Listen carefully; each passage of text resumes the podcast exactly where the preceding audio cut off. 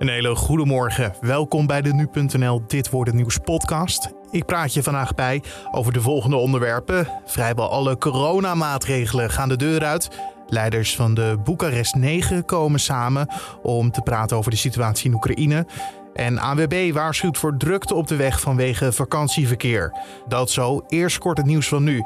Mijn naam is Carne van der Brink. Het is vandaag vrijdag 25 februari.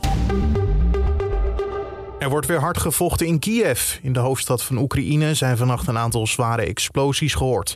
Die zouden mogelijk veroorzaakt zijn door kruisraketten. Oekraïners vluchten het land uit, maar niet iedereen mag weg. President Zelensky wil dat alle volwassenen klaarstaan voor het leger. Dat kreeg deze Nederlandse ondernemer ook te horen toen hij de grens over wilde. Zo zei hij tegen BNR. Alle mannen tussen 18 en 55 mogen niet het land uit. Mensen die hier in de rij staan, waarvan de man Oekraïner, het gezin Oekraïner is, mag het man dus het land niet gaan verlaten. Uh, snapt u hem nog? Grenswachters gaan alle auto's één voor één langs en houden de mannen tegen. En bijna 140 Oekraïners zijn overleden op de eerste invasiedag. Volgens de Oekraïense overheid zijn er ook ruim 300 mensen gewond geraakt. President Zelensky heeft de slachtoffers helden genoemd. De Europese Unie is het gisteravond eens geworden over nieuwe sancties tegen Rusland. Dat heeft onder andere premier Rutte afgesproken met de andere leiders. De ongekende Russische agressie tegen Oekraïne vraagt om een eensgezind en stevig antwoord van de Europese Unie. We komen met een zeer veelomvattend sanctiepakket. De sancties zijn volledig gericht op Rusland en het regime van Poetin. Premier Rutte legt uit om wat voor maatregelen het precies gaat. We raken daarmee de financiële sector, de transport- en energiesector. We beperken de export. Er komen meer leden van het regime op de Europese zwarte lijst te staan. We raken het regime op alle vlakken en we raken het hart. Verder kwam na het Europees overleg nog een duidelijke boodschap van de voorzitter. Poetin moet en zal falen, zei zij. Tot zover het laatste nieuws over de oorlog in Oekraïne. Wil je natuurlijk gewoon de hele dag op de hoogte blijven? Blijf dan nu.nl volgen.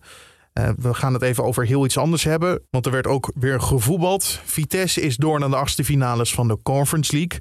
Ze wonnen gisteravond thuis met 2-0 van Rapid Wien. Daarmee hebben ze het verlies van de eerste wedstrijd goed gemaakt. Aanvoerder Doekie was blij na afloop. Fantastische avond. We beginnen gelijk goed aan de wedstrijd. Scoren vroeg.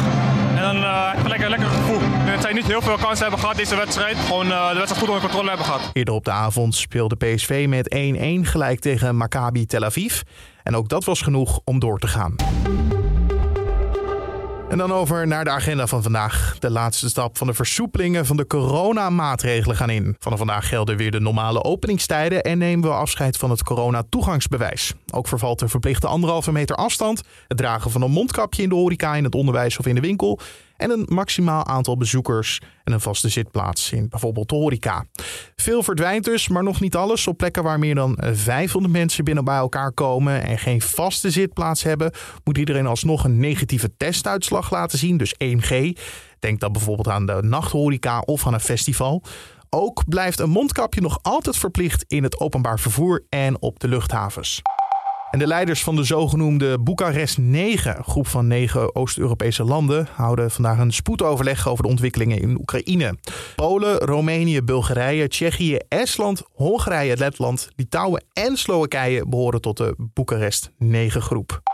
En tot slot de situatie op de weg. Wintersporters moeten namelijk rekening houden met drukte op de wegen in Zuid-Duitsland, België, Frankrijk en Oostenrijk. De ANWB verwacht grote vakantiedrukte op de wegen, ook vanuit Nederland. Noord-Nederland had eh, voorjaarsvakantie. De regio's Midden en Zuid krijgen dat dus nu deze week. De ANWB adviseert om voor vertrek altijd de actuele verkeersinformatie te checken. Tot zover de agenda. Dan het weer van Weerplaza. Verspreid over het land vallen een aantal buien en daarbij is ook kans op onweer en wat hagel. En tijdens zo'n bui daalt de gevoelstemperatuur door een gure noordwestenwind richting het vriespunt. Maar het komt niet de hele tijd en ook niet overal tot een bui. Er zijn geregeld droge perioden met een afwisseling van zon en stapelwolken. En dan warmt het op naar 7 of 8 graden. Boven land is de noordwestenwind matig tot vrij krachtig. Aan zee staat een krachtige noordwestenwind wind 6 boven. En tijdens buien kan vooral in de kustgebieden de wind uithalen met zware windstoten van 75 km per uur. En dan zit de podcast erop voor deze vrijdag 25 februari. Na een bewogen week mag ik wel zeggen. Uh, wij zijn er maandag weer. Natuurlijk kan je alles volgen over de situatie in Oekraïne en het laatste nieuws over andere zaken op nu.nl. Doe dat vooral, dan mis je niks. En maandag zijn wij er dus weer. Mijn naam is Carne van der Brink. Een hele mooie dag en een fijn weekend.